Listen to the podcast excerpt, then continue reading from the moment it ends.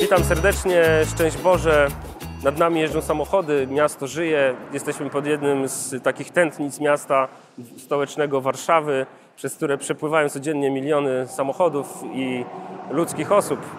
Jest bardzo głośno, nie wiem czy Państwo mnie w ogóle słyszą, być może nagrywam te odcinki i nikt mnie nie słyszy i będę tylko napisy potem dodawał do filmików. Ale cóż, trudno. Pod mostem jest y, ciekawie, tu się toczy życie, ale w trochę sposób inny niż, niż na górze. Czasem jest tu woda, czasem jej nie ma. A dzisiejszy odcinek poświęcimy relacji przyjaźni. To jest, y, myślę, bardzo trudna i skomplikowana rzeczywistość dla nas. Mam taką tezę, że właściwie, że to jest banał, to nie jest w ogóle jakieś odkrywcze, super i być może nic nie wniesie do Twojego życia, drogi widzu, ale jak się głębiej nad tym zastanowić, to rzeczywiście tak jest, bo cała kultura, literatura, filmy, sztuka, kłótnie w domu i nasze rozmowy, nasze różne strapienia tak naprawdę są, mają jeden wspólny mianownik. To jest po prostu kochać i być kochanym. Ja się kiedyś z tego śmiałem, jak byłem młody, a teraz jestem już stary i stwierdzam, że to, to prawda. Nam o nic innego w życiu nie chodzi, tylko żeby, żeby być zaakceptowanym, przyjętym, zrozumianym, wysłuchanym, a cierpimy, bo nam tego bardzo brakuje. I ta teza moja jest właśnie taka, że cierpimy też y, bardzo często z tego powodu, że nie wierzymy w to, że, że zasługujemy na miłość. My, pragnąc życia w relacjach, w przyjaźniach, dzisiaj mówimy o tym wymiarze takich y, bliskich relacji, które możemy nazwać przyjaźnią, my, pragnąc ich, jednocześnie sami sobie na nie nie pozwalamy.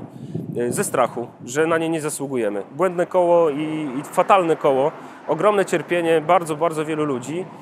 Wcześniej myślałem, że tylko młodych ludzi, a dzisiaj odkrywam, że i coraz starszych ludzi, właściwie każdego człowieka, w obojętnie jakim wieku, to jest właśnie to, że nie mamy wiary w to, że jesteśmy godni czyjejś miłości, czyjejś uwagi, czyjegoś e, zaufania, że nie wierzymy w to, że możemy, się, że, być, że możemy być dla kogoś ważni.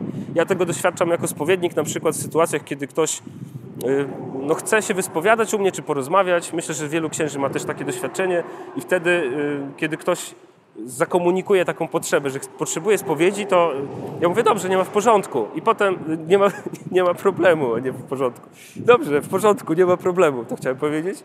No i wtedy w odpowiedzi słyszę czasami, co? Że ale nie, ojciec ma na pewno tylu in, tyle innych osób, przecież moje problemy nie są wcale takie y, straszne, nie chcę ojcu zawracać głowy. Mówię, ludzie, co? W ogóle Dlaczego tak myślisz? Dlaczego sobie nie pozwalasz na to, żeby się wyspowiadać jak człowiek? Z poczuciem, że po prostu należy ci się to, że możesz o to prosić bez żadnego w ogóle problemu. Ja mówię w wymiarze spowiedzi, ale to, e, to, samo, dotyczy się, to samo dotyczy się również e, różnych relacji przyjaźni, że tak, chcę się z Tobą przyjaźnić, ale nie, jednak nie będę. Odrzucę Cię już teraz, że, bo, bo na pewno wiem, że jak Ty mnie poznasz, to mnie odrzucisz, bo mnie się nie da lubić. I my sobie sami wkładamy do głowy takie kłamstwa, yy, cierpimy, bo odrzucamy tych, których byśmy chcieli mieć blisko siebie. Mijamy się właśnie w ten sposób i, to jest fatalna sytuacja, jest tragiczna. Wydaje mi się, że, że bardzo, bardzo wielu z nas cierpi właśnie z tego powodu, że mijamy się z przyjaciółmi, których moglibyśmy mieć, a sami sobie na to nie pozwalamy, bo nie wierzymy w to, że jesteśmy warci ich miłości, warci ich uwagi, warci ich też opieki, troski. E, to jest straszne, straszne oszustwo, które jest w naszej głowie, ono nas zatruwa bardzo, bardzo mocno, bardzo poważnie. Trzeba z tym walczyć, moi drodzy, e, walczyć z samym sobą po prostu. Często trzeba i, i, i nie słuchać siebie, nie słuchać tych kłamstw, które gdzieś w Twojej głowie skazują Cię na samotność, skazują cię na, nie wiem, takie mieszkanie w lodowym zamku, jak Elza z Krainy Lodu. Dla mnie to jest fantastyczna opowieść właśnie o tym. Właściwie tu moglibyśmy zamiast tego odcinka puścić całą Krainę Lodu, pierwszą część chociaż polecam też drugą, ale ona jest o innych relacjach. Ale ta pierwsza jest właśnie o tym, y, że człowiek sobie nie pozwala na życie w relacjach z, jakiego, z powodu jakiegoś strachu i mija się, mija. Pamiętamy te sceny, jak y, ulepimy dziś bałwanka i tak dalej, a Elza odpycha tą swoją młodszą siostrę, chociaż bardzo pragnie z nią tego bałwanka ulepić.